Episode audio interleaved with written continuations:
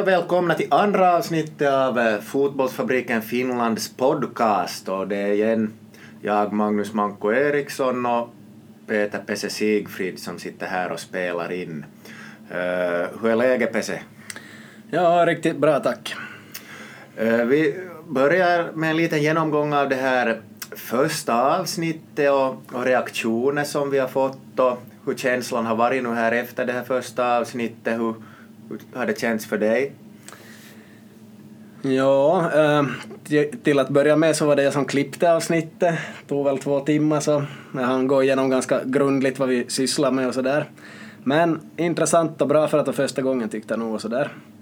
Och feedback har ju kommit lite härifrån och därifrån. Eller har du hört någonting?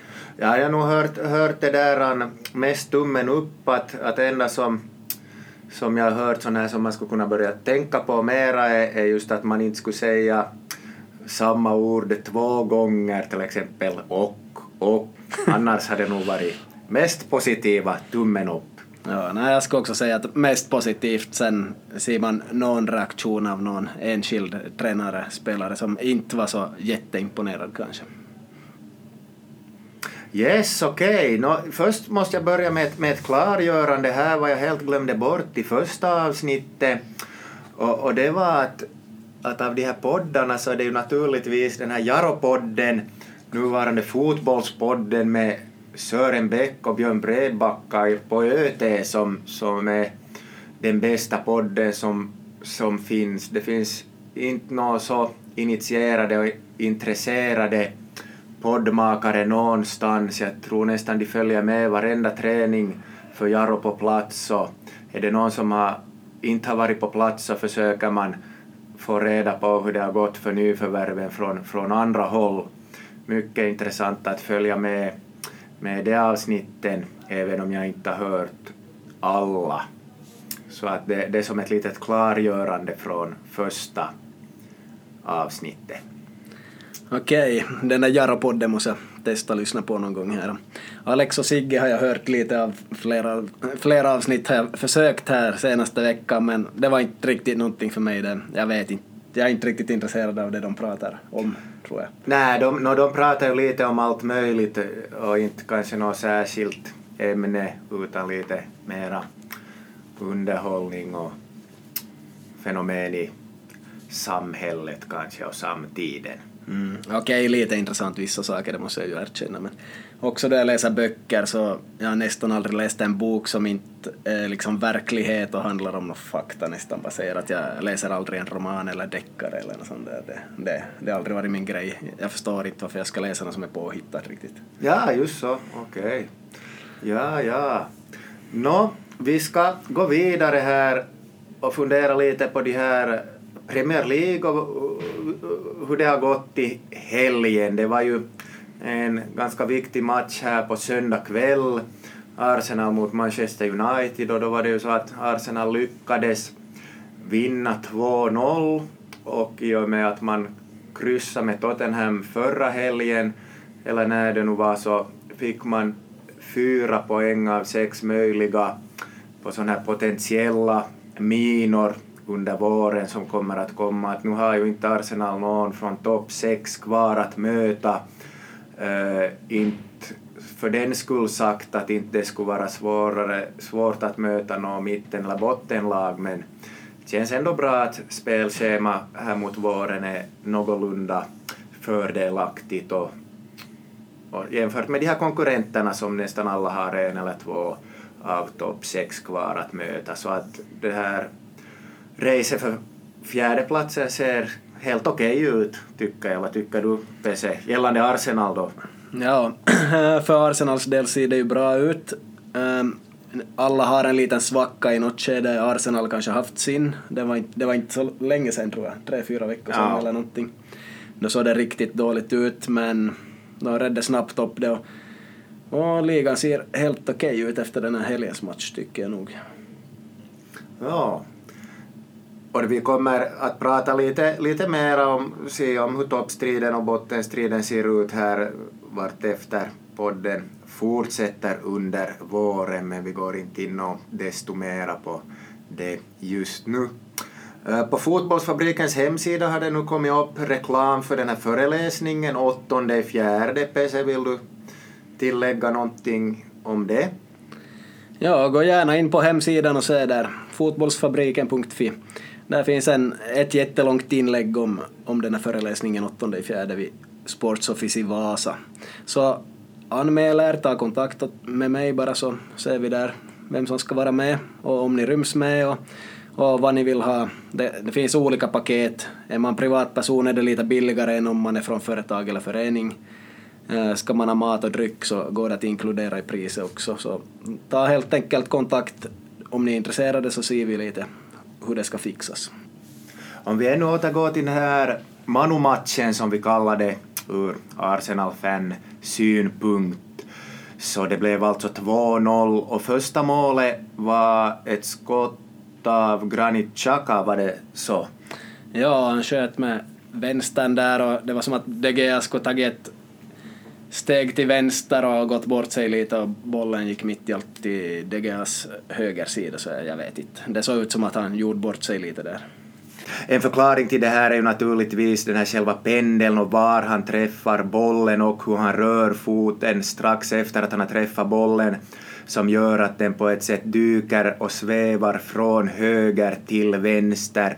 En sån här teknik som, som kan vara ganska effektivt. Vi minns ju när Roy Carroll släppte in ett liknande skott mot Arsenal då Henri sköt, det var kanske tiotalet år sedan, men de dyker alltid upp nu som då de här skotten. Att jag tycker nog inte att det var en tavla på det sättet, att svårt att reagera eh, när man ser att bollen börjar fara ett, åt ett håll, att svårt att börja analysera hur foten träffade bollen.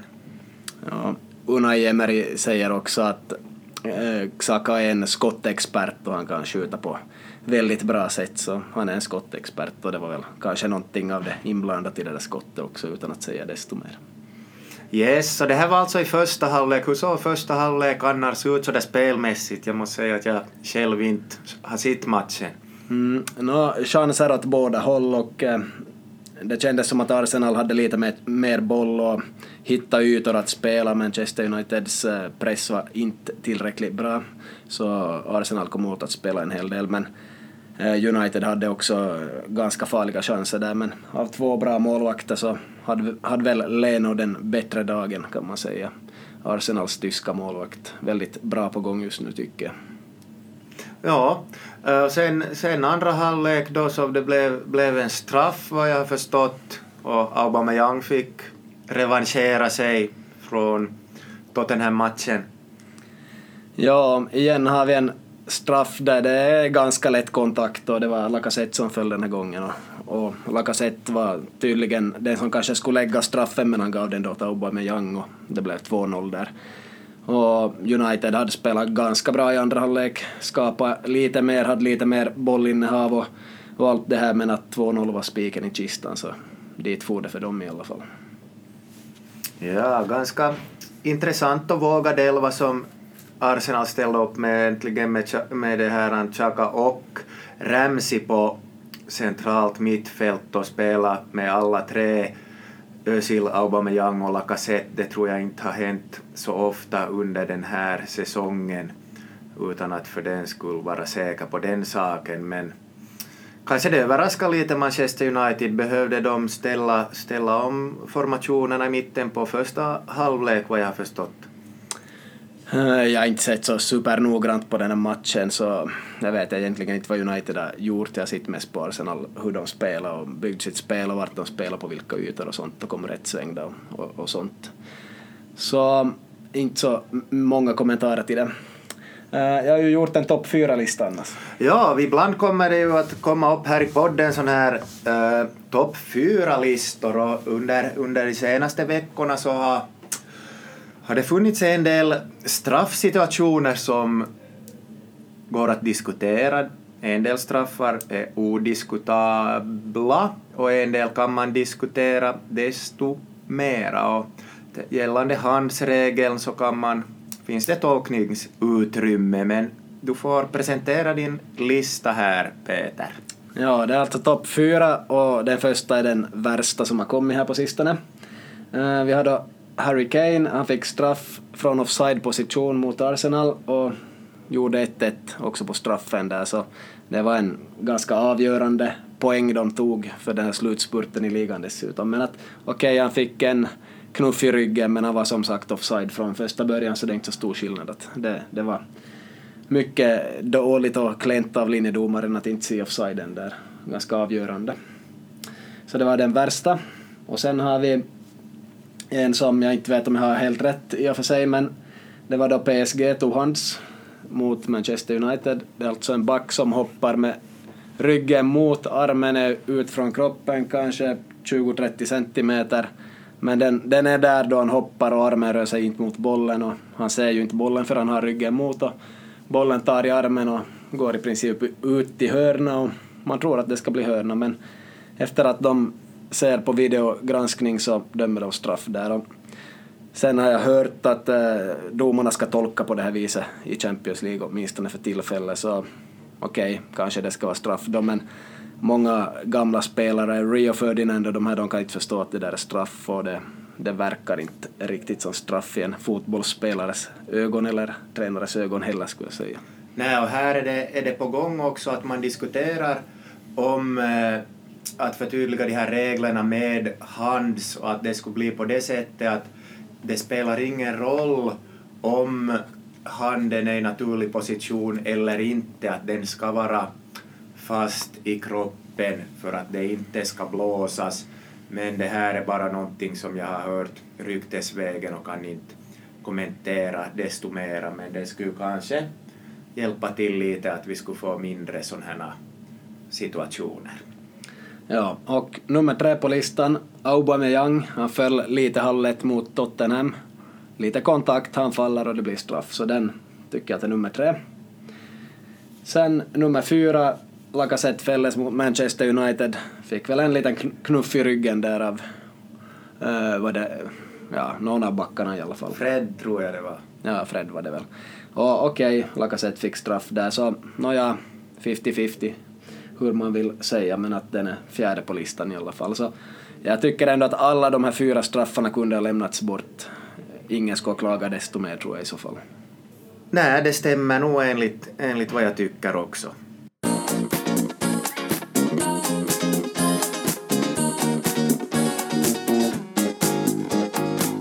Okej, vi ska fortsätta här i andra avsnittet av Fotbollsfabriken Finlands podcast och nu har vi kommit till avsnittet om fysisk träning som vi lite gjorde reklam för i förra första avsnittet. Vad har du Pesse att säga om de här sakerna med träning?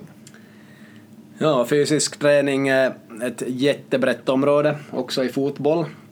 Ser man tillbaks så kanske inte fotbollen haft så hemskt mycket eget, utan det har varit att eh, folk från friidrott och taekwondo och slalom och vad som helst har kommit in och berättat hur vi ska träna fysiskt i fotboll. Och ja, det har ju gått som det har gått.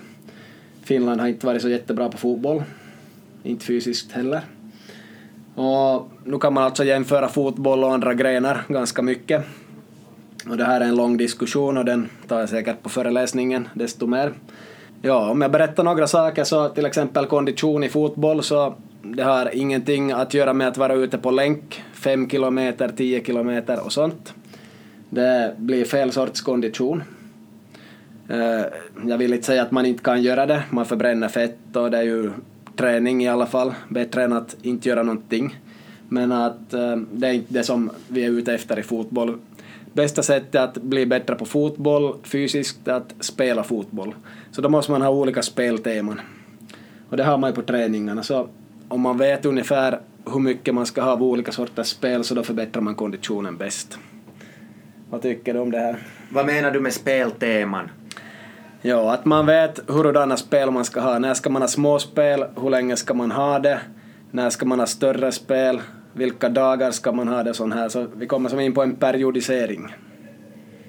Ja, just det, och det där periodisering inom veckan, men om vi ser, ser så här större, större drag så måste det ju nog också finnas någon uppbyggnadsfas för, kondi, för konditionen och den fysiska träningen, den infaller den där i november november, december kanske på den finska försäsongen eller?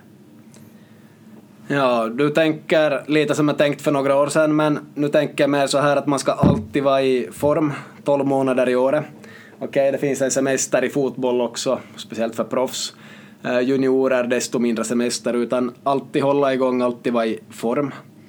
12 månader i året, lite mindre någon gång kanske, men om man nu har en paus och kommer igen till en säsong så en bra tränare så kan testa deras nollpunkt, att var ligger gruppen nu, i vilken fysisk form är de nu då de spelar, hur mycket klarar de av en viss sorts spel utan att tappa tempo och kvalitet. Jag tror inte att man kan äh, kräva eller att det är ändamålsenligt att man är i toppform året runt förutom semestern, men här får vi vara av olika åsikter. Ja, kanske det finns formtoppar förstås och så här, men att äh, en junior ska nog vara i form hela året runt. Det som, man kan inte släppa det, att man har tränat fyra pass på en månad om man annars tränar fyra pass i veckan. Det blir som att släppa det för långt. Ja, nej, det, vi borde kanske definiera här innan vi börjar eh, vad det gäller för typ av äh, fotbollslag det rör sig om. Är det seniorer, är det proffs, är det juniorer eller vad är det den här när det gäller juniorer så finns det ju fler och fler turneringar och kval på vinterhalvåret också som det gäller att vara på det sättet i form. Så till den delen håller jag nog med att det kanske är viktigare att vara i bra form som junior nu än det var för 20 år sedan när vi två sprang runt i Kistohallen. Ja, ja, på grusplaner. Ja. Ja, eh, äh, ännu om kondition så äh, vilket lag jag än tränar så vill jag i princip att de ska vara i, i form året runt. Äh, okej, okay, ett seniorlag i lägre division så okej, okay, de har två, tre månader med lugnare tempo och inga fotboll alls kanske så okej, okay, men man kan ju inte gå upp 10 kilo i vikt heller. Och sen ser man på de här superproffsen så kanske de är lediga uppemot en månad här och där. En månad kanske på sommaren eller högst två. Ja, det brukar ju vara så, så ungefär i de här europeiska serierna utan att nu för den skulle ha koll exakt, men att när säsongen tar slut så är man ett par, tre, fyra veckor ledig och, och sen får man tillbaka och börja köra, köra fys, fys träning till inledningsvis på det här centrarna och sen om det är någon turnering så får man extra ledigt då om det har varit VM eller EM som man har varit på.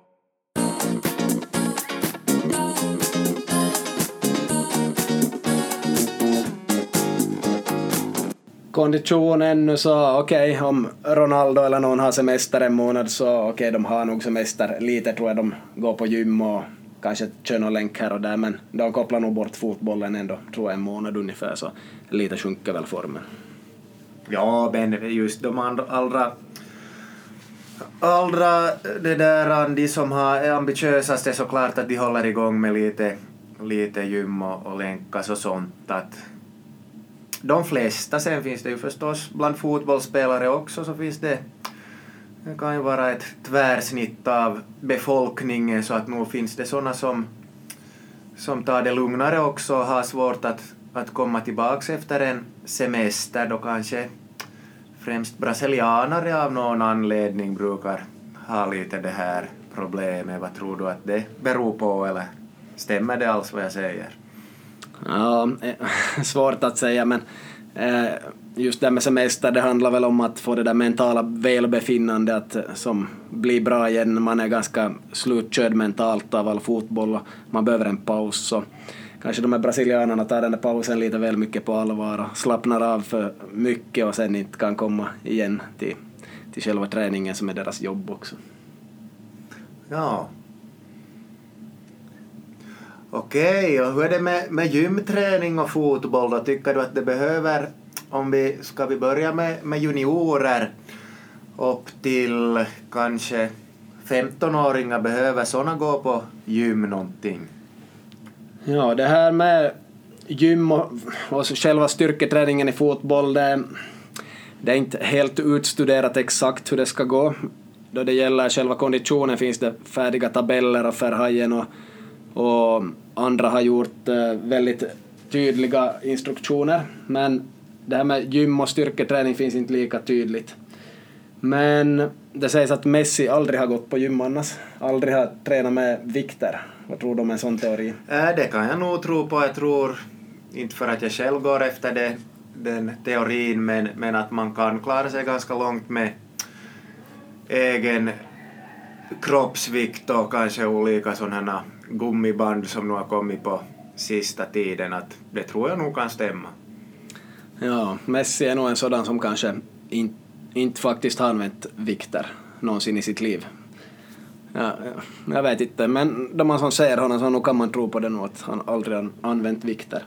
Men kanske vissa människor behöver och vissa behöver inte. Hur som helst så gymträning för under 15-åringar, no, det beror lite på hur långt man har kommit fysiskt tycker jag och vad man har för intresse. Hatar man att gå på gym, hatar man att lyfta vikter så man kanske kan lämna bort det då helt enkelt och ta det lite senare. Men det är från person till person skulle jag säga. Men styrketräning behövs, eh, speciellt bålen, alltså magen och det partiet och ryggen och, och, och sånt är väldigt viktigt. Sen armar och ben borde man ju få, få med lite också men det är säkert något som det satsas mindre på. Men just det med bålen och ryggen det är nog två viktiga områden. Det var bra som du tog upp här att att det beror på hur långt man har kommit i utvecklingen och, och det är sånt som man kanske tidigare har stirrat sig blind på, att man har sett att här är nu en tolvåring och en tolvåring ska vara så här och träna enligt det. Eh, en orsak kanske till det här belgiska fotbollsundret som vi har sett, så det är att man istället går och, och, och jämför att hur utvecklade är de här spelarna fysiskt och mentalt och sen sätter dem i de träningsgrupper som de passar bäst helt enkelt, att man inte ser endast på födelsetid. Tidigare var det ju också så att i distriktslagen i Finland så var det överrepresentation av folk som var födda i början av året, de var helt enkelt längre utvecklade än andra. Jag såg också här på ett finskt U19-landslag eller vad det var här för kanske ett år sedan eller två år sedan. Så då jag såg allas födelsedatum så det var väl två eller tre spelare av 23 stycken som var födda på andra halvan av året. Alla andra var födda från januari till juni. Ja, så det här, det här bekräftar ju den här teorin som vi driver. Så många faller helt enkelt bort för att de kanske är lite senare utvecklade eller något. Det finns sådana teorier och det stämmer nog till viss del. Ja, det är ju så att, att det är ju till viss del så man får ju plocka med sig det som verkar vettigt och så vidare, att man måste ju inte köpa allt med hull och hår så att säga. Man måste bilda sig en egen uppfattning genom teori och praktik. Vad fungerar, vad fungerar inte? Ja, precis. Så det här med gym, det är lite öppet, men bålen och ryggen, det är helt klart att de ska tränas helt bra, speciellt i tonåren. Och just lära sig att styrketräna från, från då man är liten redan, att göra olika saker och sådär, men att det behöver inte överdrivas och det måste inte nödvändigtvis vara vikter, det som inte, inte det som är jätteviktigt för fotbollsspelare i alla fall. Sen där från 16 till 19 år, sådana juniorer kan man se lite mer på kanske träning med vikter, men jag skulle säga från person till person och från fall till fall och ja, det beror mycket på klubben också, vilken klubb de är i. Ja, hur är det sen då det kommer till seniorer om vi, vi börjar med, med någon sån här amatör, halvproffs, halvamatörer, division 2, division 3, spelare i Finland, herrar, vad skulle du säga, gympass eller inte? Eh, jag skulle gärna säga att de går en till två gånger i veckan åtminstone på gym och tränar explosivt med vikter. Och eh, det som man ser att allmänna motionärer kanske man också kan applicera på fotbollsspelare att på de flesta maskiner eller vad man än gör med vikter så om man orkar 15 gånger så då är det bra. Så 14 eller 15 gången man lyfter någonting så då ska det vara riktigt tungt så att, så att då orkar man inte mer. Och där kanske man gör då tre eller fyra serier. Ja, just det. Och sen om vi går då till det här jag, jag, kan till, till, och en sak kan jag tillägga här ännu. just det här allmänna att om man tränar styrka en gång i veckan så då upprätthåller man den styrka man har och om man tränar styrka två gånger i veckan så då utvecklar man sin styrka så man blir starkare. Ja, det är väl så att när man börjar så, så får man snabba resultat och sen kommer man väl till en sån här platå. Vad ska man göra när man kommer till en sån här platå och det känns att man trampa på stället, man utvecklas inte mera? Ja, det där är väl väldigt vanligt och um, det beror väl på att man inte lyfter tillräckligt tungt säkert om man skulle vilja som, kunna lyfta tyngre helt enkelt. Så här kan man diskutera med någon PT eller någon som känner till mycket om styrketräning så kan de nog berätta lite hur man ska få en sån där superkompensation och hur ofta man ska överbelasta olika muskler för att helt enkelt få, få bättre resultat. Och det är ju något som jag har läst in mig på ganska mycket kring fysträning, så det här kan jag åtminstone för fotbollsspelare. Sen i själva gymmet så, ja, jag skulle ta ut mig fullt två gånger i veckan ungefär med, med kanske 48 eller 72 timmars mellanrum. det kan krävas mer också, kanske tre pass i veckan eller ja, fyra kan bli lite mycket för en viss muskelgrupp. Men i alla fall, det här med sömn och kost är väldigt viktigt och vill du bli riktigt stark så måste du äta otroligt mycket. Man ser ju de här eh, personerna på gym som vill bli stora som hus och de äter ju otroliga mängder med ofta kött och malet kött och det ena och det andra så den här kostbiten är ju nog väldigt viktig om man vill bli som motionär då väldigt stark och stor och så här. Okej, nu har vi pratat lite om styrka och kondition och hur är det då med snabbheten, hur, hur tränar man den bäst? Om vi tar så här i allmänna drag så um, till, till, att börja med, det som friidrottstränare lite grann kan hjälpa alla människor med, så det är att hur rör sig armar och ben? Är de ute och svänger till höger och vänster hit och dit? Så den biten får gärna friidrottstränare eh, hjälpa eh, folk som löper med. Och det gör såklart också fotbollstränare. Men det är mest den biten vi kan Eh, liksom ta från friidrotten, att armar och ben far någorlunda som de ska. Sen i fotboll springer vi på helt andra sätt än de gör i friidrott.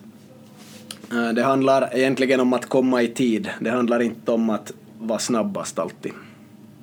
Nej, det håller jag med om och, och det som, som är något av, av det som jag brinner mest för så det är det här med spelförståelse och det kommer vi att komma in på här under poddens gång också under våren. Ja, och du som är mittback och jag har varit anfallare någon gång och fast jag har varit snabbare än dig så har du kanske hunnit före på en boll fast jag hade ja. samma startposition ja, det, kan, det är ju till exempel kan vara så att man ser att det kommer en, en boll som, som kommer mot PC då så ser man att okej okay, det blir en en lång touch och så är man beredd och, och sticker iväg och försöker, vet, man eh, läser spelet, vart kommer bollen att fara? Och så startar man då.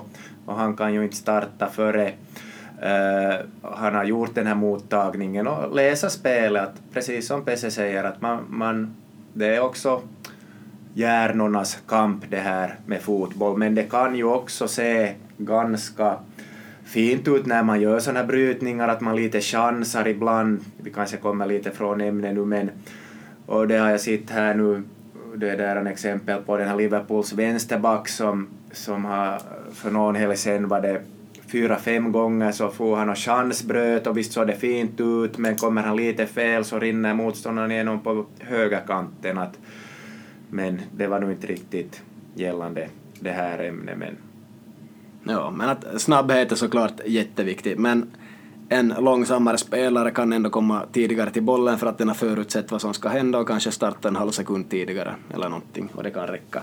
Därtill kan man glidtackla i fotboll så man blir lite längre på slutrakan för att bryta en boll så man kan förlänga kroppen lite kan man tänka där också. Det kan man, kan man göra och, och, och men dock som om det nu var Maldini och sen äh, en ja, mina juniortränare sa att om man, om man glidtacklar så då har man redan kommit för sent. Vad säger du om det? ja, det stämmer väl säkert. ja, äh, ännu om snabbhet så om vi tar tonåringar i fotboll så det har gjorts många undersökningar och äh, man har haft de här holländska ungdomarna att löpa på tre olika sätt. Det första var att de löpte ensam från punkt A till B, till exempel var det 10 eller 20 meter. Jag tror det var 10 meter. Så okej, okay. spräng fullt då vi visslar så pam, okej, okay. där kom visslingen, då springer 10 meter allt vad de orkar och så har man tagit tider på det. Sen var alternativ två att man springer mot en lagkamrat. Okej, okay, det kommer en signal, båda springer allt vad de orkar. Så har man tagit tid på det. Och tredje sättet var att det är en boll med. Det är två som tävlar mot varann och då, då, då de ser att bollen är ivägkastad så ska de jaga den så snabbt som möjligt. Och så har man ta, tagit tid också på deras maxhastighet. Alltså hur hårt kunde de springa då. Och när tror du Manko att, att man sprang hårdast? Ja, det där det var inte så bra att fråga mig för, för det där jag faktiskt lite diskuterat de här sakerna här för någon vecka sedan eh, och det har också gjorts här i juniorlag här i trakten och det var så att eh, de här juniorerna så var snabbare till boll och de var själva förvånade över hur snabba de var. Stämmer det här med de här holländska undersökningarna? Ja, alltså en tonårig fotbollsspelare kan man säga att det är snabbast då den får jaga en boll helt enkelt. Är det en boll inblandad så går det alltid snabbare än om man tävlar parvis. Och tävlar man parvis går det snabbare än om man springer enskilt. Så det är bara faktum, det har testats och det är som helt klart.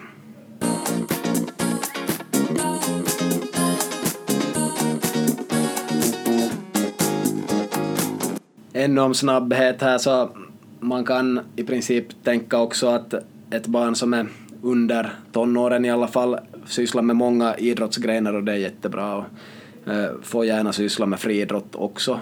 Men att eh, Innan fotboll måste vi träna snabbhet på vårt sätt och just det här att komma i tid på olika sätt, det är som det som är viktigt. Sen finns det mycket, många myter, jag vet inte vilka som stämmer, men det sägs att skidning kan dra ner snabbhet. Jag vet inte i vilken ålder och exakt hur. Och jag kan inte säga om det stämmer, men det är åtminstone en myt. Sen om man är långdistanslöpare så, ja det är ju sällan man löper fullt så, eller det gör man väl antagligen inte om man är 10 kilometers löpare. Eller så gör man det, jag vet inte alla träningsformer, men det kan säkert också motverka att man är snabb, motverka den här maxsnabbheten.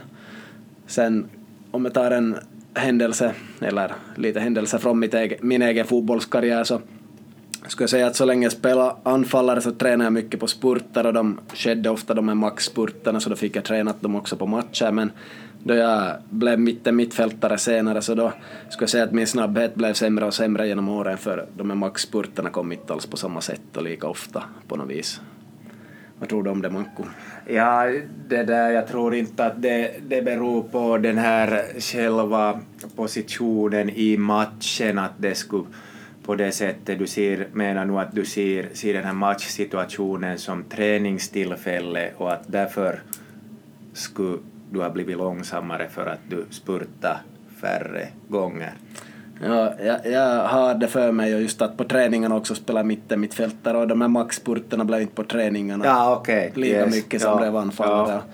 Och det är sällan man har haft toppkvalitet då man har, har tränat förr eftersom väldigt få tränare har varit toppklass, kanske en skulle jag räkna som toppklass av mina juniortränare. Så, så de här spurterna kanske man inte fick tillräckligt av. Okej, sen vidare till frågan om annonsörer för den här podcasten, PC. Vad har du att komma med senaste nytt gällande den frågan? Ja, jag har haft elva samarbetspartners på Fotbollsfabriken genom åren här. Har tio kvar av dem just nu tror jag och vi har kontaktat några nya. Så om någon som lyssnar på podden är intresserad av att vara med som samarbetspartner så det är bara att ta kontakt så kan vi se lite hur vi kan samarbeta. Och en viktig sak här med snabbhet ännu är att eh, man borde dela in jämna par, de som är snabba springer mot varandra, de som är lite långsammare springer mot varandra, de som är långsamma springer mot varandra, så att man eh, liksom har en chans att vinna den där bollen om, om det är en boll inblandat så att man inte ligger tio meter efter för då, då blir det ingen maxspurt med om man kanske har gett upp efter halva sträckan eller någonting. Ja, då går vi vidare. Vi, vi har har några regeländringar som är på gång här. Vi kommer inte att nu diskutera så mycket om det här VAR som kommer att tas med i fler och fler ligor, men det är några regeländringar som, som enligt våra uppgifter ska börja gälla i juni, juni, första juni. Eh, det, jag vet inte om det har kommit något beslut på det här ännu och jag vet inte i vilka serier det ska tillämpas. Men den första stora regeländringen så den är att det ska inte vara några returer på straffar i när det blir en straff i spelet så att säga att om straffen blir räddad eller det träffar stolpen eller ribban så avbryts spelet. Vad tycker du om en sån här regeländring, Pese? Ja, här kommer man ju att tänka på ishockey lite där man har en chans och sen är det som förbi, inga returer och sådär. Nå, jag undrar varför de har hittat på den här regeln för det har ju fungerat ganska bra med returer men å andra sidan man har också kunnat passa en straff framåt två meter så springer en lagkamrat in och skjuter mål och ja, allt möjligt kring straffar. Kanske det känns lite mer så här att det här är en straff, den här ska du skjuta i mål eller så får ni inget mål. Så det känns nog helt, helt okej okay att, att de har gjort den här regeln men inte, inte känner jag att de heller borde ha ändrat den. Nej, det har ju varit genom åren några gånger sånt här att att straffen har räddats och så har anfallande spelare startat för tidigt eller försvarande och så vidare och vad ska hända då? Ska det bli indirekt frispark eller ska det straffen slås om? Att sådana här saker får man ju bort. Jag tror det var i division 1 om det var förra säsongen eller säsongen före det som det fanns, fanns ett sådant här tillfälle. Jag tror att det blev faktiskt till och med omspel i den här matchen om jag inte missminner mig. Att det är lättare för domarna också det här lite enklare. En, ett, en chans. Ja, här kan vi också gå tillbaka till Arsenal-Tottenham-matchen. Då Aubameyang sköt sin egen straff så kom det en retur och eh, så småningom hamnade bollen vid Aubameyang igen och han skulle kanske ha gjort mål men det var en Tottenham-spelare där och bröt eller tacklade undan honom så att han inte kunde göra mål. Och den spelaren var väl fem meter in i straffområdet då straffen slogs. Ja, det var, det var Färtongen och det finns ju mycket bilder, bilder på det här så att... Ja, det här med att fuska och gå in för snabbt i straffområdet så det slipper man med den här regeln förstås, så det är ju en positiv sak. Ja, det var den första stora regeln. Sen har vi det här med att mål som träffar anfallande spelarens arm eller hand om det nu då sen är frivilligt eller ofrivilligt så ska inte godkännas. Vad tycker du om en sån här regel? Ja, du sa att mål som träffar en spelares arm. Alltså bollen träffar armen och bollen går i mål. Ja. Ja, bollen träffar armen och går i mål. Nå, um, igen om man ser på andra sporter och till exempel tar ishockey så okej, okay, de kan göra mål med foten om det är omedvetet och så där i ishockey det tycker jag att det är helt fel där och i fotboll tycker jag inte att man ska kunna göra mål med armen absolut inte, inte på något vis, inte i misstagens. och vi har ju Aguero där som gjorde mål med armen för en tid sedan och jag tror de flesta fotbollsspelare visste nog inte att den regeln fanns att man kan göra mål med armen om det är omedvetet. Men domarna tycker ju att det är självklart förstås. Men om man nu då inte alls får göra mål med armen i misstag ens så det känns som en bra regel. Du tycker det? Ja, jag tycker inte att armen ska få göra mål inte överhuvudtaget. Men om man står, om man står 20 cent från mållinjen och det är en hässäcka och någon sparkar på bollen och den far in och man ser åt något annat håll så ska det då inte godkännas? No, jag tycker, jag tycker det är ja, nog inte, da, da, da, inte riktigt... Mm, no, ja, no, hur, hur, enkelt är det för domaren att se om det ja, gick nej, i armen eller höften ja, eller magen? Kanske domaren släpper det som mål då. Då har vi någon tolkning. Så borde, tolkning. borde regeln finnas då? Då har vi igen en tolkning där som gör det svårt. Men hur vi än gör så är det tolkningar hit och det är tolkningar dit så det, det är svårt. Men kanske säga att du får inte göra mål med armen. Sen kan domarna kanske tolka att om de inte har sett det 100 procent så dömer de mål. Eller så får de se på videoband och så måste de ta bort det då. Ja. Ja, no det får, vi får se hur det faller ut i praktiken sen. Sen har vi ännu en tredje regeländring och det är att eh, den spelare som byts ut så kan lämna plan var som helst, måste alltså inte gå till mittlinjen till den här assisterande domaren som sköter bytet. Vad tycker du om det här? Ja, jag tror den här regeln kommit delvis för att många spelar tid. Så att säga, de går så långsamt de kan tillbaks dit till mittlinjen och ut till bänken. Så det tar jättelänge och det känns lite löjligt. Så jag tror att regeln blir också att de måste gå ut vid närmaste linje.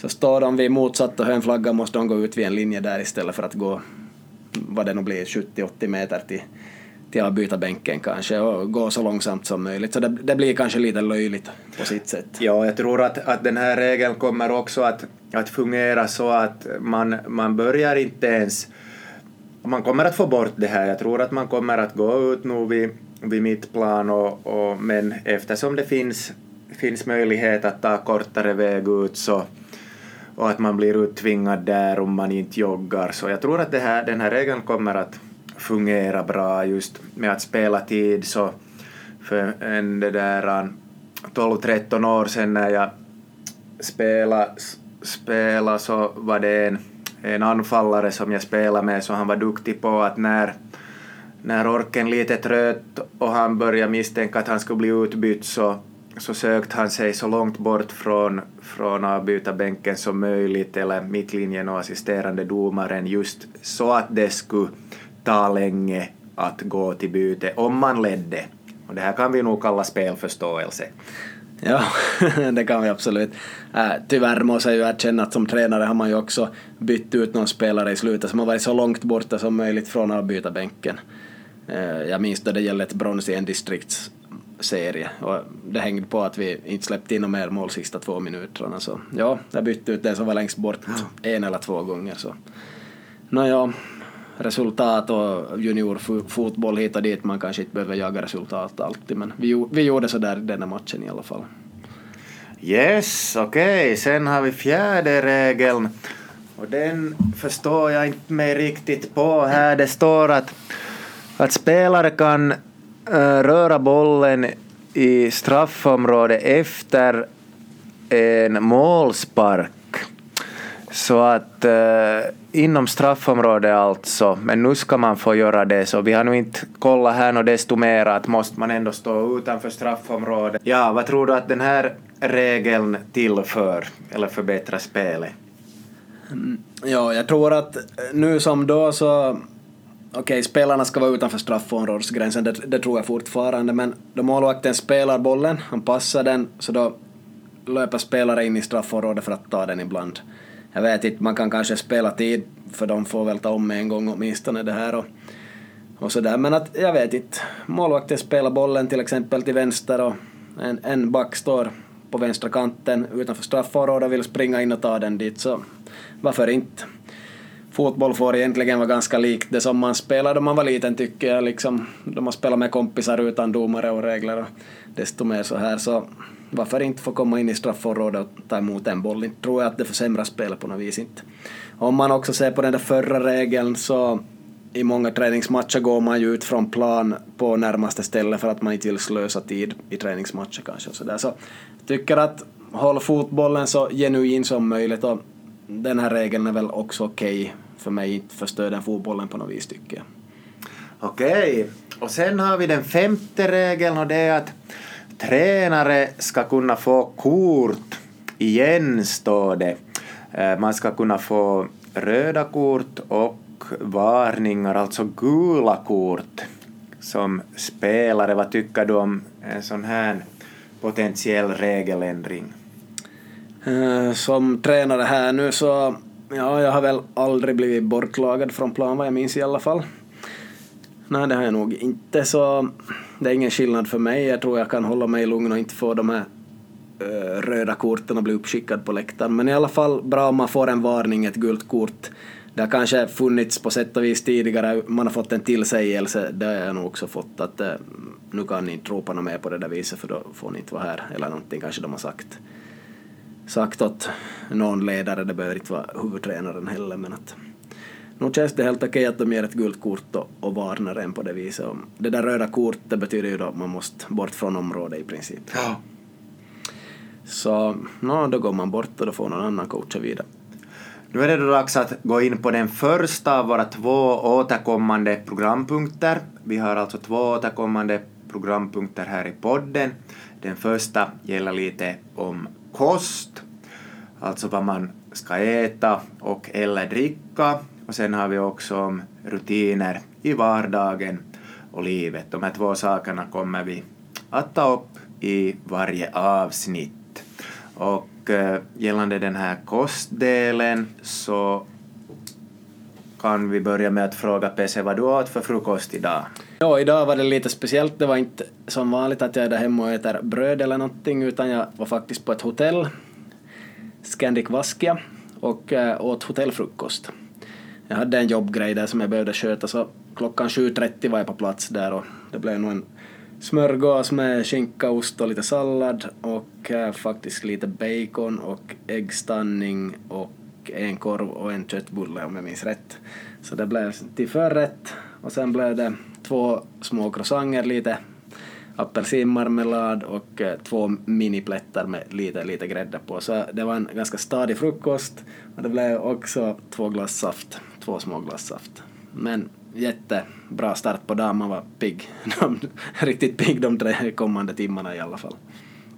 Och eh, du, vad åt du idag? Ja, för min del, jag, när jag kom till köket så jag såg på en banan men jag tog bara en kaffekopp så att en kaffekopp. ja. Yes, så på tal om kaffe så idag ska vi prata lite om äh, törst och kanske då speciellt vatten som ju människan behöver hela tiden och kanske speciellt vid träning, PC. Ja, vi består ju till nästan 70 procent av vatten, vi människor. Och här kan vi se då att hur mycket ska man dricka före träning och match? Um, lite överdrivet att dricka jättemycket vatten före de här prestationerna, men att man kan tänka så här att okej, okay, det är varmt, jag dricker lite mer än vanligt. Men om man håller på att dricka mängder av vatten, som vi säkert gjorde förr då vi idrottade, för folk sa det åt oss, så då, då kommer det helt enkelt ut med urinen och där får salta med och ja, man blir ganska tom på, på salter och man orkar inte lika bra. Så man ska dricka passligt mycket. Sen sportdryck kan vara bra. Där får man en hel del kolhydrater som man kan behöva. Vissa salter kanske det fyller på också. Men man ska alltså inte dricka för mycket heller utan det ska vara på en passlig nivå. Och kroppen berättar när man är törstig. Man känner nog av då man är törstig. Och, och det är inte för sent att dricka fast man är törstig som vissa brukar säga. Ja, det här med sportdryckerna, tycker du att man ska inta dem med det i, före, före en prestation eller riktigt i början eller riktigt i slutet? Vad säger forskningen? Eh, jag har kanske inte exakt forskning på det men jag skulle gissa att sportdryck, ja, kanske en timme innan prestation skulle jag gissa. Det skulle jag köra på i alla fall och det brukar jag göra. Jag använder sportdryck i vissa seriematcher i vissa serier, beror på vad jag idrottar med ganska sällan nu för tiden, men tidigare nog så en timme före, före jag skulle prestera. Aldrig före träning egentligen, men skulle jag vara på proffsnivå skulle jag kanske ta före de tyngsta träningarna, skulle jag använda någon sorts sportdryck då. Ja, du tycker inte att dina glykogenlager är fulla av kosten eh, som du har laddat upp med före du tycker att du behöver köra sportdryck innan. Själv så kör jag, om jag nu någon gång skulle råka hålla på sporta, över en timme, att det är då först när glykogenlagren börjar tömmas som man ska tillföra de här kolhydraterna i form av sportdryck. Ja, äh, kan vara bra att ta in någonting mitt i matcher, till exempel i fotboll också, men det ska nog vara på en väldigt tung nivå då. Okej, 93 minuter och det beror på hur bra tränad man är. Så okej, nu kan det säkert hjälpa att ta in det senare också, i halvtid till exempel, sportdryck eller något. Och proffslagen äter ju faktiskt marshmallows, alltså godis, i halvtid. Har sett det på många anläggningar, bland annat i London, Arsenals anläggning, där fanns marshmallows i halvtid berättade de. Sen talar vi om saltgurkor och sånt här att få salt från, men var och en måste som vanligt bestämma lite själv, men väldigt varma sommardagar så man måste få någonting sött i sig också. Så det här med godisförbud på turneringar så det får de som glömma. Man måste få lite sött i sig också sådana här varma dagar. Det räcker inte bara med, med bra dryck och liksom eh, salt, salter och det här utan någonting sött ska det också vara har det kommit fram. Ja, det, det, det där han håller, håller med, kanske nu inte helt ha det där han slopa godisförbudet men att, att det kanske inte är helt av ondo ännu min åsikt. Just det här med sådana här eh, gels eller gel eller vad man kallar det. Har du någon erfarenhet av användningen av dem? Eh, jag har inte sett egentligen att man använder de där gelpåsarna i fotboll, men säkert gör man det också. Ja, det var nämligen det som jag skulle komma till att för en fem sex sju år sedan när Tyskland spelade en, en landskamp så såg jag att, att Mario Götze höll på med och tryckte i sig någonting så då blev jag lite intresserad att vad är det här nu riktigt och, och då sen när man tittar noga efter så ser man att de nog håller på med de där gelpåsarna lite nu som då så att jag, jag brukar nog också när jag spelar fotboll eller springer eller skidor ta en sån sen efter ungefär en timmes prestation. Okej, ja. No, jag skulle kanske ta det där vid halvtid eller lite senare i fotboll och kanske fylla på någonting, jag vet inte, kolhydrater eller något tänker de kanske på, men i halvtid skulle jag kanske säga då. Sen det där efteridrott så, ja, jag vet inte. Det räcker egentligen med att man äter mat eller någon sorts mat en timme efteråt och dricker någonting. Jag tror inte det är så jättenoggrant där. Ja, vad jag nu har, har kommit till när, när jag har lite kollat runt så är det ju just det att om man ska ha en tung träning samma dag eller tidigt följande morgon så då är det viktig, som viktigast att få igång den här återhämtningen men just om man kör ett pass om dagen och, och som nu kanske de flesta då gör så, så räcker det nog med eh, hus, ett varmt mål- mat efter avslutad träning så fylls ju de här depåerna på också sen under, under följande dag så att inte, inte på det sättet någon, någon riktig kris. Börja ta, ta in någonting jättesnabbt om man inte är på, på, på, på högre, högre nivå. Jag såg så faktiskt en, en undersökning som, som visar att de jämförde en grupp som åt, åt det där skräpmat från snabbmatsrestaurang och en grupp som äh, åt en massa olika sådana här kosttillskott och återhämtningsprodukter och, och de här, det visar nog att de återhämtar sig i stort sett lika bra. Så att det är ju någonting att ta med sig. Ja, no, det finns olika sätt att göra allting. Och det här med kost, det kommer hela tiden nya undersökningar och nya fakta, så man, man måste lite välja vad man tror på, men överlag det som vi säger här så det tror vi på, annars skulle vi inte säga det. Nej, ja, en del är kanske mera, mera fakta och en del är mera åsikter och det får ju lyssnaren själv avgöra då vad den tror att det är. Ja, vi försöker också få fram vad som är mer åsikt och vad som är mer faktabaserat. Sen det här energidrycker kan man ju säga kort att eh, alla som heter Red Bull, battery och sådana här energidrycker så det måste ju tänka att det är någonting annat för det ökar hjärtslagen per minut bara av att dricka det så så det finns nog ingen orsak att dricka Red Bull före man ska idrotta för vem skulle vilja ha högre puls redan före man börjar idrotta. Sen kan man kanske se någon världsstjärna som dricker Red Bull före någon match men det, det är svårt att förstå Ja, det- de ja. har ingen nytta av det. Ja, nej, jag minns, minns när Magnus Hedman var i Coventry för 15-20 år sedan eller var han var så då sa han att, att han, han drack två Red Bull före varje träning för att, för att skärpa koncentrationen. Så att, men det får nu stå för, för honom och, och inte tror jag att han är den enda som har sutta på en energidryck före träning.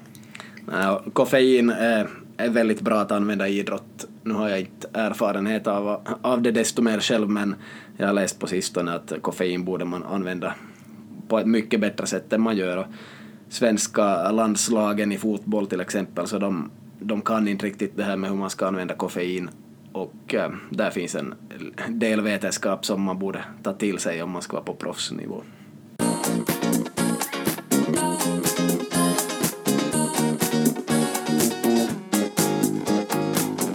Okej, då ska vi gå vidare lite och diskutera om tränare. Vi har ju i, igår på måndagen så släpptes ju den här bomben att Zidane kom tillbaks till Real Madrid istället för eh, Solari. Det var kanske oväntat. Eh, enligt ryktena var det så att det stod mellan Zidane och Mourinho att spe, de ledande spelarna i Real Madrid höll mera på Zidane.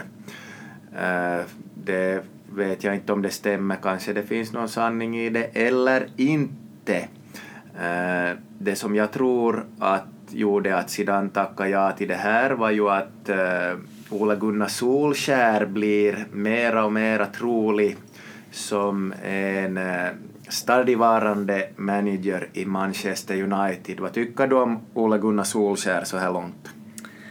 Ja, imponerande facit om man ser på resultaten. Vad har han? Två förluster och ett kryss totalt på kanske 13 matcher ungefär. Ja, det kan ju vara något, något i den stilen, ja.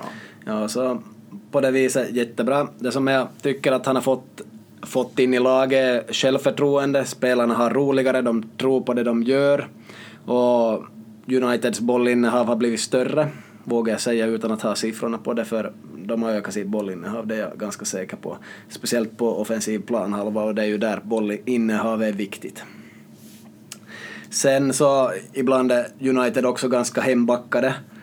Och jag tror det var mot PSG till exempel, så då Mourinho backade hem med Manchester United så då fick han höra ganska mycket negativt om det, men då Solskjaer backade hem med Manchester United så då, då kommer det inte något negativt, då kommer det ändå positivt bara för att det har gått bra på sistone. Så det är lite orättvist ibland mellan tränare hit och dit, men att ja, han har gjort det väldigt bra, Solskär. Solskär är ju egentligen bästa tränaren i världen just nu om man ser på hans form här med 12 matcher i alla fall. Förlusten mot Arsenal sabbar ju det lite mer här, men att om man bara vinner matcher så då är man ju i bäst form i världen i princip som tränare. Ja, det är intressant det här med, med Solskär. Vi var ju kanske ganska många som blev lite förvånade av den här utnämningen av att Solskär skulle bli bli det där en tillförordnad eller tillfällig caretaker manager. Och jag tror att jag var inte ensam som surfade in på, på det här livescore och kollade vilket spelsystem han mest hade använt sig av. Och det visade sig vara ett 4-3-3 och diskussionerna blev ju då direkt att kommer han att starta med Lukaku eller Rashford? Och eh, jag diskuterade lite med olika personer och just eh, då så var Lukaku lite ur form så att det, det visade sig att, att det var Rashford som startade den första matchen och Rashford är ju en lite snabbare och mer rörlig spelare än Lukaku och eh, det är också det som vi lite ska komma in på här. Uh, nu fick han ingen kritik för att de backade hem och, och tror du att det här med eh, dels att de vann och dels att han är Manchester United-legend eh, kan ha att göra med det här att han får mindre kritik för att backa hem i någon match?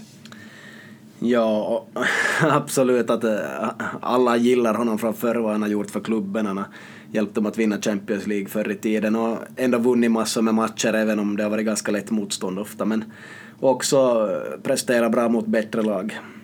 Fast ser man på insatserna mot PSG så okej, okay, man förlorar 2-0 i en match och den andra är man hembackad och kontrar in några mål med väldigt mycket flyt och går vidare i Champions League, men okej.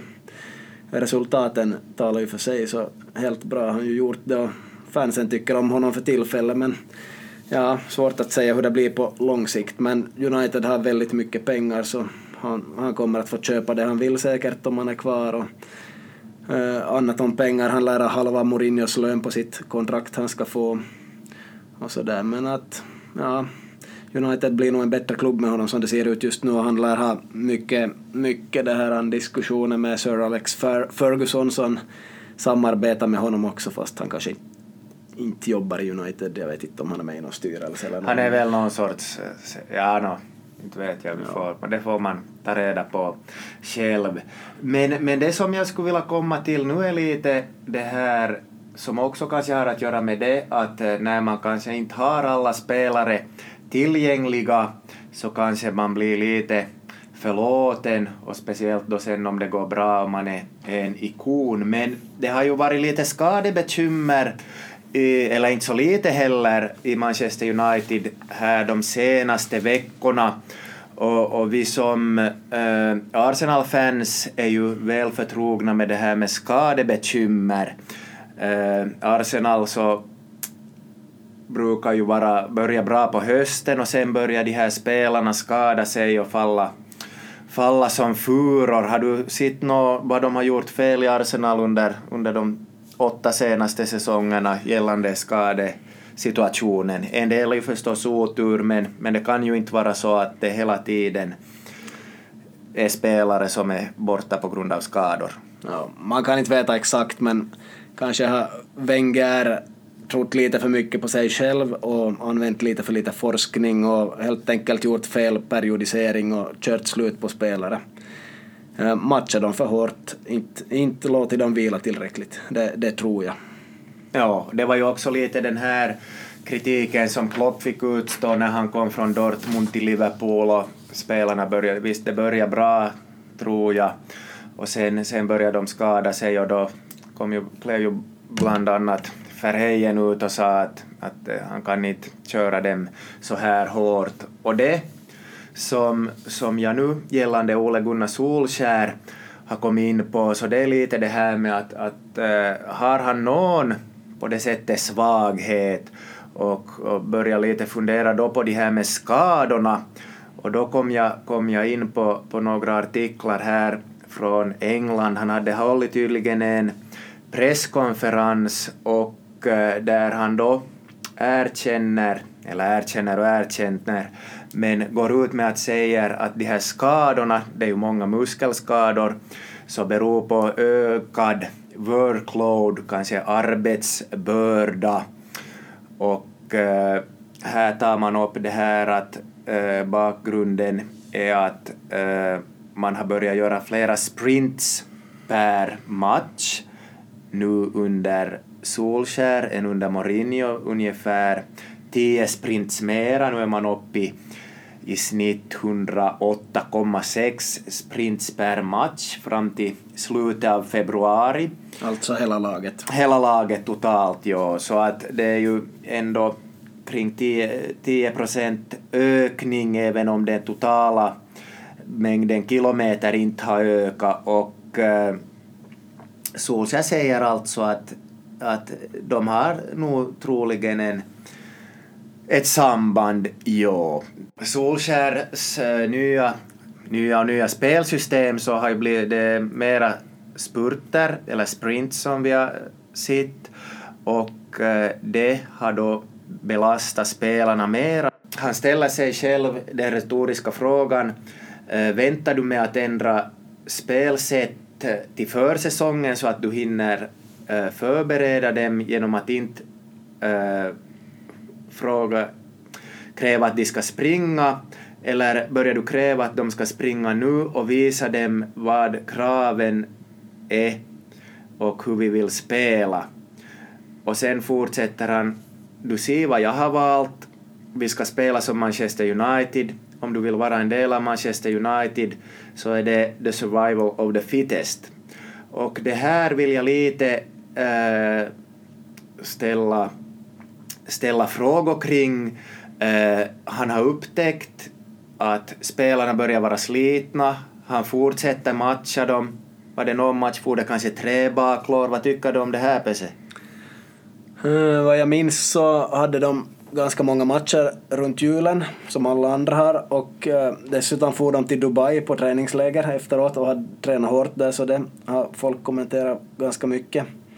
Nu har de ju massor med skador som du säger, så det, är alltid så när man får en ny tränare att det blir fler skador än tidigare, men nu börjar det vara tio stycken, så det är nog någonting som går lite väl hårt här, men vad har du själv för funderingar? No, jag tycker att, att om han märker det så så, så borde han ju ändra lite och rotera lite mera eller rotera eller mm, beordra vila eller någonting.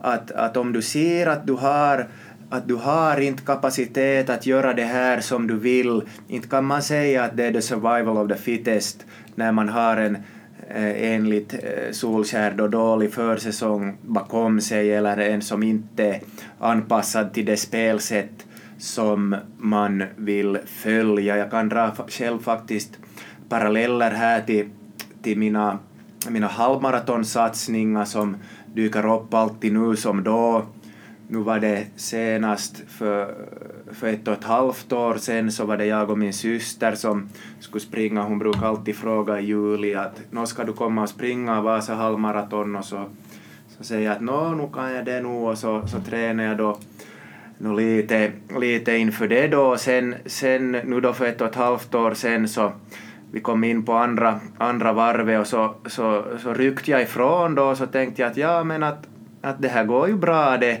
trots att jag visste att jag inte hade haft en försäsong som var anpassad till den här löphastigheten som jag hade just nu. Och vad ledde det här till? Ja, jag vägga totalt, stod sen i målområdet och har lite minnesluckor och det som man minns är att man står och häller någon sån här päronyoghurt i ansiktet på pajton. Så att det är lite samma sak tycker jag här, att du vet att du har inte det, ändå gör du det. Jag tycker det är ändå så viktiga saker nu, det är den här fjärde platsen, jag visst du är vidare i Champions League, men du har ännu den där fjärde platsen att gå för.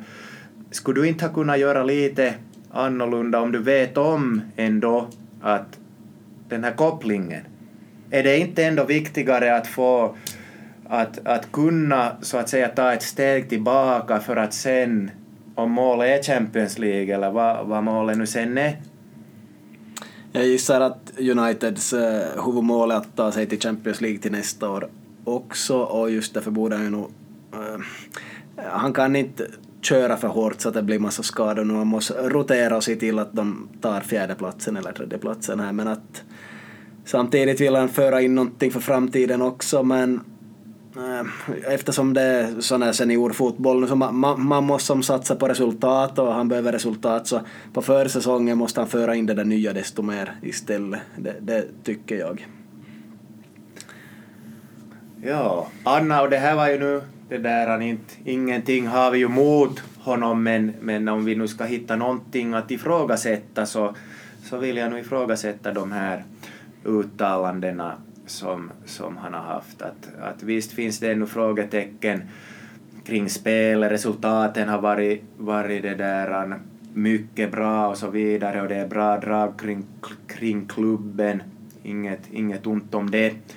Uh, nu såg jag senast idag här ett rykte om att det skulle tas ett beslut om hans framtid redan nu före kommande Premier League-match. Vad tycker du om en sån sak? När är det rätt att meddela en eventuell fortsättning?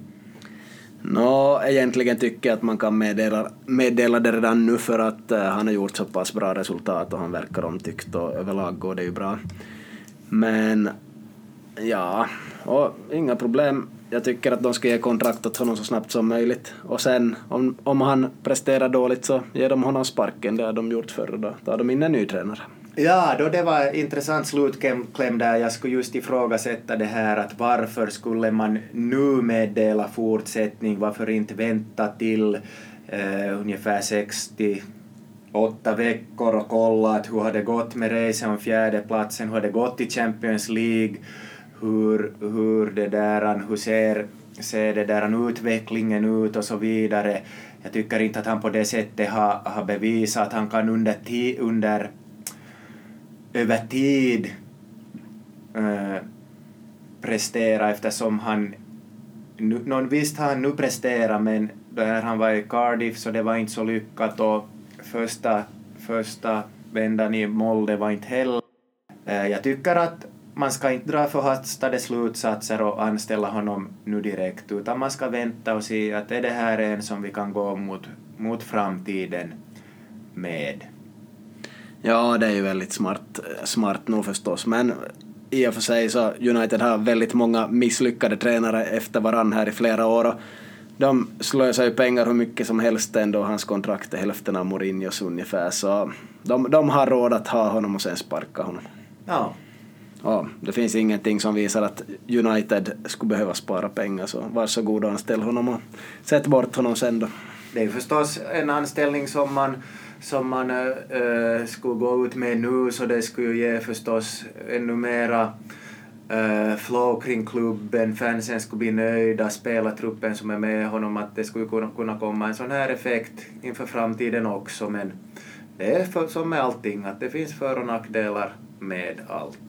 Ja, och skulle man nu byta tränare efter ett par månader fast han har gjort det bra eller halvbra så då ska det igen komma in en ny tränare. Skulle det då vara Zidane skulle det ha varit ganska häftigt förstås. Det skulle kanske ha varit en lyckad lösning men nu, nu är han klar för Real Madrid. Ja, så, och det är det som är min, Mm. min spaning här att eftersom Zidane misstänker att Solskjaer får fortsätta United så hakar han på Real-tåget. ja, och där har vi ju Zidane som har tagit nio pokaler av 13 möjliga med Real tidigare. Nu lär han ska få 300 miljoner euro att köpa spelare för så Real Madrid blir nog ett bra lag till nästa säsong. Ja, ja vi, får, vi får hoppas det. De har ju den här säsongen inte riktigt kunnat svara till förväntningarna att luckan efter Ronaldo har kanske blivit större än man vågar, för, vågar förvänta. Ganska kul annars att det är en tränare från Norden som har fått fara till Manchester United och bli huvudtränare. Och eh, att det är Solskär var kanske lite överraskande men i alla fall intressant och hoppas att det blir någon föreläsning i framtiden från Solskärs håll som man kan delta i och få veta lite hur allt har gått till och, och vad de, de gjorde i United och sådär, hoppas jag på. Ja, han verkar ju vara en ödmjuk kille också. Någonstans så är någon rubrik om att han tycker inte om när folk i eh, klubben kallar honom för boss eftersom han tycker att det finns bara en boss och det är Sir Alex. Precis. Ja, Solskär lär ju också följa de här juniorlagen väldigt noggrant så han är ofta på deras träningar också.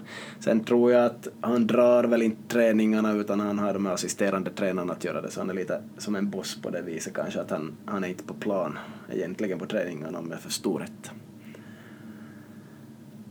Jag tror det är alltså samma stil som Ferguson hade, att det är inte han som står på träningsplan för det mesta, utan det, det är hjälptränarna som drar träningarna och Solskär är mer på kontoret eller spanar någonstans ifrån, utan det, han är helt enkelt inte på plan och drar träningar.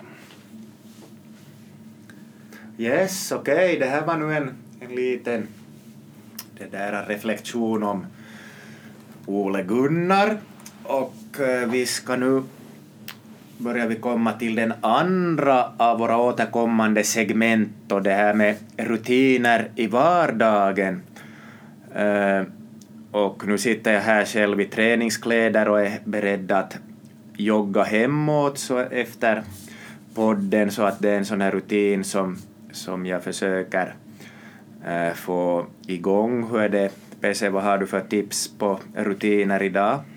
Ja, om vi ska ta upp någonting idag också så jag har såna aktivitetsarmband som jag använder. Tidigare hade jag Polar Loop, nu har jag Polar V800. Så det är nog en sån här aktivitetsklocka som man ser eh, stegen man tar varje dag och det kommer inaktivitetsvarning om man inte rör sig tillräckligt. Och, och då kan man ha på ett program som passar ganska bra till en själv och försöka nå 100% varje dag. Eller vad man nu har för mål, 100% per vecka så kan man ta det lugnare vissa dagar och tuffare vissa dagar. Så den där klockan är väldigt viktig för mig, jag följer med läget hela tiden och all träning jag gör så har jag pulsbälte på faktiskt och tar puls. Den här tar inte från handleden pulsen. Eh, då jag köpte den här fanns det inga riktigt bra klockor som tar puls från handleden tycker jag. Nu har det ju kommit en, vad den nu heter, kostar 279 euro. Den Polar lär ha lite fler dioder som tar upp puls från handleden så den är väl lite mer pålitlig än de tidigare versionerna. Hur som helst, Domanko har också någonting kring det här. Jo, jag har också en sån här, sån här klocka och den tar, tar eh, puls från handleden. Jag tycker att den har fungerat eh, riktigt bra och jag har också på den på natten så att man kan lite följa med sömnen, hur roligt man har sovit och när man har sovit och när man har vaknat. Och, och det stämmer, stämmer nog ganska bra överens också hur man känner sig när man vaknar på morgonen. Att jag är nog väldigt, väldigt nöjd, nöjd hittills. Att jag har den på, på pulsmätning hela tiden och sen har jag ändå också om, om man är och, och tränar. Att det värsta som kan hända när man har en, en pulsklocka så det är ju att glömma starta den när man redan har börjat träna. Det hände för mig i söndags. Så att det var inte så roligt. Nej, det blir man ju alltid störd eller stressad på. Eller om batteriet tar slut, vilket nog är ganska sällan. Men, Eh, jag har också mätt den här sömnen ibland och det, det verkar ge ganska bra resultat nu men ofta tycker jag det är lite obekvämt att sova med klocka så jag, jag gör oftast inte det. Sen det här Polar Flow-programmet är ju väldigt bra så har man en Polar-klocka får man ju tillgång till det där gratis och jag tycker det där Polar Flow är jättebra på alla sätt och jag har också en sån där våg som sänder med bluetooth via klockan, vikten så kan man göra olika program i det där Polar Flow så att så att man håller koll på vikten och vill man gå ner kan man ställa in ett mål där och så berättar det vad man håller på med och sådär men det där vikt upp och ner är ju ett kapitel för sig också. Ja, nej, det, är, det är sant det nog. Jag kan, kan berätta här, här ännu hur det var hur, hur gällande vikt, hur det var. Det, här var. det var 2008 och vi hade just, just åkt ur division 1 med Vasa IFK. Vi for på en all inclusive resa till Hurghada med frun och all inclusive innebär ju att man får äta och dricka hur mycket man vill. Eh, och eh, eh, sista dagen vi var där så gick jag in på ett apotek och steg på vågen. Det skulle jag kanske inte ha gjort, det var plus nio kilo. så att, no, det var nu från att säsongen slutade och den där resan, resan var, var i november så men att jotton var nu nio kilo på fem dagar. Ja, det var ju en hel del. Men att, ja, det är ofta mycket vätska så efter de där semesterresorna så kommer som vätskan bort. Det är allt möjligt kring vätska även fast man inte dricker alkohol. Och själv kan jag nog säga också att på all inclusive en, två veckor så nog kommer det alltid två, tre kilo på mig men kanske högst två av dem brukar stanna kvar lite längre tid. Jag hade, eh, mång, många människor har en idealvikt tror jag som är den som kroppen vill hålla. Det här är inte bara vad jag tror utan jag har läst forskning om det här också. Som det till exempel skulle vara 83 kilo för mig så kroppen kämpar för att hålla det där 83 och det, det ska vara svårt att gå ner och fast man har gått ner så vill den kanske tillbaks så ett tag här hade jag tagit mig ner till 80 och lite bättre levnadssystem kanske, eller vad man ska kalla det. Så, så jag höll med på det där 80 ganska länge. Nu har jag lyckats komma upp till 82, lite muskler kanske också, men jag är i lite sämre form än just då. Så jag försöker jobba mig tillbaks mot det där 80, för jag tror, tror jag mår bättre då än om jag väger det där 83. Det är lite för mycket kanske för att må optimalt. Så jag skulle gärna ner lite igen så skulle jag känna mig mer i toppform och se bättre ut i spegeln. Jag tänkte just säga det här att det var bra att du talade om det här välmående men sen, sen for det ju här hela teorin när du började prata om det här med spegeln men det där just det här att, att med välmående att det är ju, det är ju kanske för vår, vår del nu som, som gamla fotbollsveteraner det viktigaste att, att vi mår, mår bra och fysiskt, psykiskt och socialt. Ja, nej, det är, det är precis. Det är därför man tränar för att orka med hela vardagen och, och må bra helt enkelt. Men att sen kan man ibland eh, pina sig till vissa grejer och eh, ha vissa mål och eh, det kan vara lite kul och utmanande och så här. Men ibland lyckas de och ibland inte. Men det är inte så stor skillnad hur det går oftast. Men det är klart, ställer man ett mål som man absolut ska uppnå så då ska man göra allt för att nå det. Yes, okej, det börjar vara dags att avsluta podden. Vi ska lite prata ännu om de här tränarskolningarna som, som vi pr pratade om förra gången och, och nu undrar jag hur, hur var det med de här, vilka är nu kriterierna för att man skulle äh, an, antas till en sån här toppspelarkurs? Har de ändrat genom åren eller hur är det? Uh, tidigare var det väl att man ska spela ordentligt i division 1, jag minns inte vad det tio matcher eller vad det någonting, men det var finska division 1 i alla fall som var tidigare. Just nu vet jag inte faktiskt hur det blir, för allt ändrar väl nu.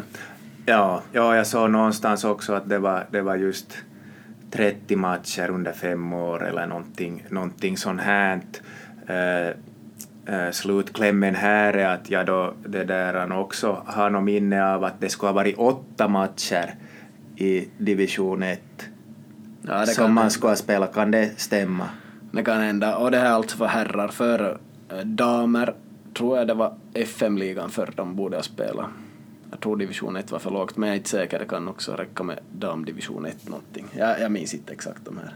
Nej, just det. Jo, nej, nej, orsaken till att, var, var att jag frågade var att jag, jag just spelade åtta division 1-matcher, så att enligt gamla kriterierna, om det var åtta, så skulle jag då kanske ha haft möjlighet att antas till en sån kurs. Ja, hoppa över det också och gå direkt på B.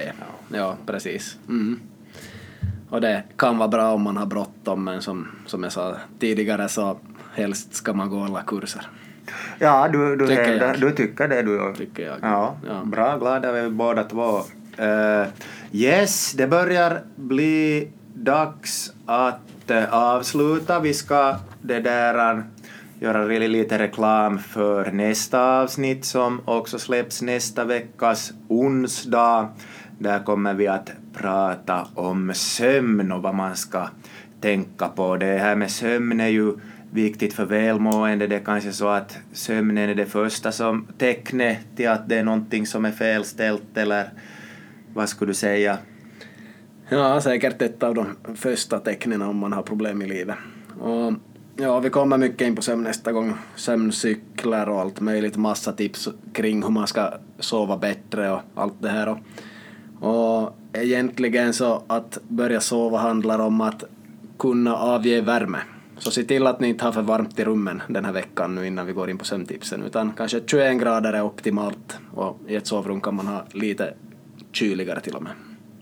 Ja, det var intressant. Det var allt för idag, PC. Hur tycker du att, att det har gått här nu, den här andra inspelningen? Ja, helt okej. Ganska mycket allvar, ganska lite humor och vi får väl bli roligare med tiden här. Och en kompis sa åt mig också som hade lyssnat på vår podd att ja, ni blir nog mer avslappnade småningom här med tiden och kanske blir mer underhållning och inte bara fakta och så här. Men det är ju kul att ha massa diskussioner kring fotboll och sånt här förstås. Yes, och det är ju mycket av våra liv har gått ut på det här med fotboll och man har, har många fina, fina historier som, som har hänt på och utanför plan. Eh, tack för att ni har lyssnat på det här andra avsnittet av eh, Fotbollfabriken Finlands podcast. Eh, hashtaggen FFFP, där kan man skicka in också frågor eller ämnen som man vill ha. Så småningom kanske vi kan ta in några gäster, kanske någon domare som får komma och det där stå upp för domarskrået. Någon spelare och experter inom olika områden. Men nu till början så är det Pese och Manku som håller låda. Vi ska avsluta med en liten historia, Pese. Ja, att äh, spelare är ju inte alltid så seriösa inom fotboll som kanske tränarna tror. Och vi har här en historia från då vi var A-juniorer första året, vi var ungefär 18 tror jag. Så jag var på plan i alla fall från start och hela matchen. Var du också på plan eller? Jag vet inte. Ja, no, du var kanske på plan. Men två av våra bästa kompisar, eller två i laget i alla fall, så eh, de var på bänken, de hade väl inte spelat i matchen innan, kanske inte spelat så mycket på sistone, visste väl att de inte skulle bli inbytta antagligen, så vad hände Manko då andra halvlek skulle börja? Eller då första halvlek slutade? Ja, då tror jag att då, då det här matchen spelades på Bl- Brändöplan och, och de här äh, avbytarna så syntes inte till något mera. De var inte och värmde upp. Vad var det som hade hänt? No, de hade helt enkelt hoppat in i sin bil, farit till närmaste kebabpizzeria, ätit kebab i halvtid, kommit in någon gång i andra halvlek, tillbaks till bänken och ingen har märkt någonting och där så att de hade lite roligt. Ja, så kan det gå. och det här alltså i A-juniorernas division 1.